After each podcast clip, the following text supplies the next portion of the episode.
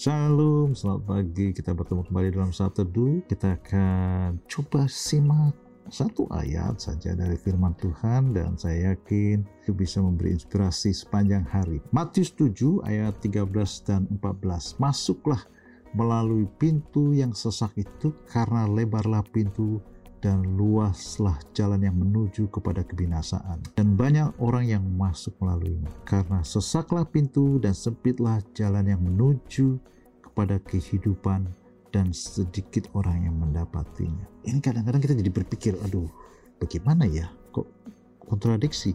Pasti tidak kontradiksi. Tuhan Yesus berkata, begitu besar kasih Allah akan dunia ini, maka dikarenakan anak tunggal supaya barang siapa percaya kepadanya tidak binasa melainkan beroleh hidup yang kekal. Oh, ternyata kelihatannya gampang sekali untuk punya hidup yang kekal. Asal percaya kepada Yesus, kita punya hidup yang kekal. Dosa kita diampuni. Oh, enak sekali. Tapi Tuhan Yesus di kesempatan yang ini mengatakan jalannya itu sesak. Kalau menuju jurang, kebinasaan itu jalannya lebar. Tapi kalau mau jalan kepada kehidupan itu sesak dan sempit. Bahkan dikatakan sedikit orang yang mendapatinya. Katanya gratis, tapi kok sempit dan sesak. Ya. Jadi sebetulnya tidak kontradiksi memang semua orang diundang. Tuhan Yesus mengundang semua orang. Orang berdosa, dosanya kecil, dosanya sedang, sudah dosanya besar. Tuhan tidak peduli. Tuhan Yesus datang untuk menebus orang yang berdosa. Tapi sekalipun begitu mudah dan begitu gampang kelihatannya, tapi sebetulnya jalannya itu sempit dan sesak. Artinya apa?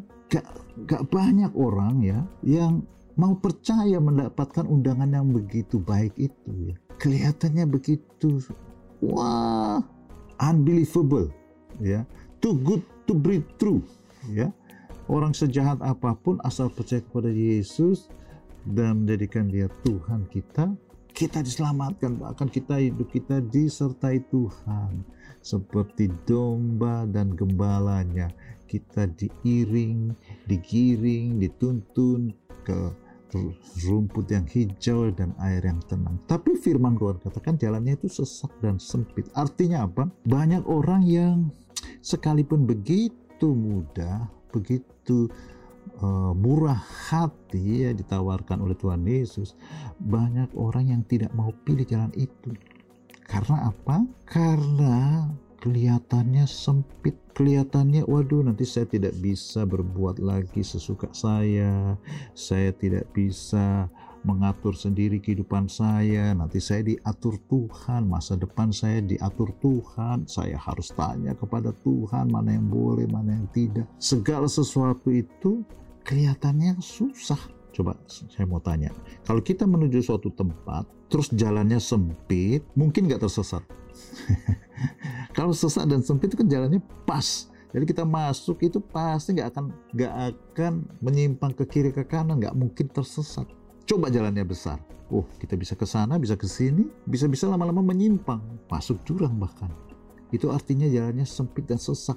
Memang kelihatannya diatur Tuhan, tapi sebetulnya bukan diatur Tuhan. Tuhan tidak mau kita masuk jurang. Tuhan tidak mau kita mengambil keputusan yang salah dalam hidup ini. Sehingga Tuhan mau hidup yang kelihatannya sempit dan susah karena kan Roh Kudus yang memimpin kita, Tuhan yang memimpin kita. Kita beribadah, kita baca firman, kita berdoa, lalu Tuhan bicara dalam hati kita, dalam pikiran kita, kita ambil keputusan ini. Ya, mencari jodoh, kita tanya Tuhan, Tuhan kasih tuntunan. Kita mau cari pekerjaan, kita mau cari uh, perguruan tinggi, kita mau mau cari pindah ke kota mana kita minta tuntunan Tuhan dulu. Ya itu seperti jalan yang sempit seolah-olah ya kok nggak ada kebebasan ya. Tapi mau kita bebas dan masuk jurang atau kita mau jalan yang presisi tepat dan jelas dan tidak mungkin salah karena dituntun Tuhan dan jalannya pas sekali untuk kita langkahi kita masuki kita mau pilih hidup yang mana? Orang bilang aduh tidak enak tapi itu tipu daya si iblis membuat kita tidak mau hidup bersama Tuhan, dituntun Tuhan, memasuki rencana yang Tuhan sudah buat untuk setiap kita. Padahal jalan yang kelihatan sempit dan sesak itu, itulah jalan yang presisi dan pasti. Seperti Tuhan katakan, rancangan damai sejahtera bukannya bawa celaka, masa depan yang penuh harapan. Yeremia 29 ayat 11 mengatakan demikian. Banyak orang mengira jalannya lurus tapi masuk jurang. Pilih yang mana? Pilih ikut Tuhan Yesus. Suatu pilihan yang tidak akan pernah kita sesali. Jangan lupa, Yesus selalu menuntut jalan kita. Dia jawaban kita. Amin.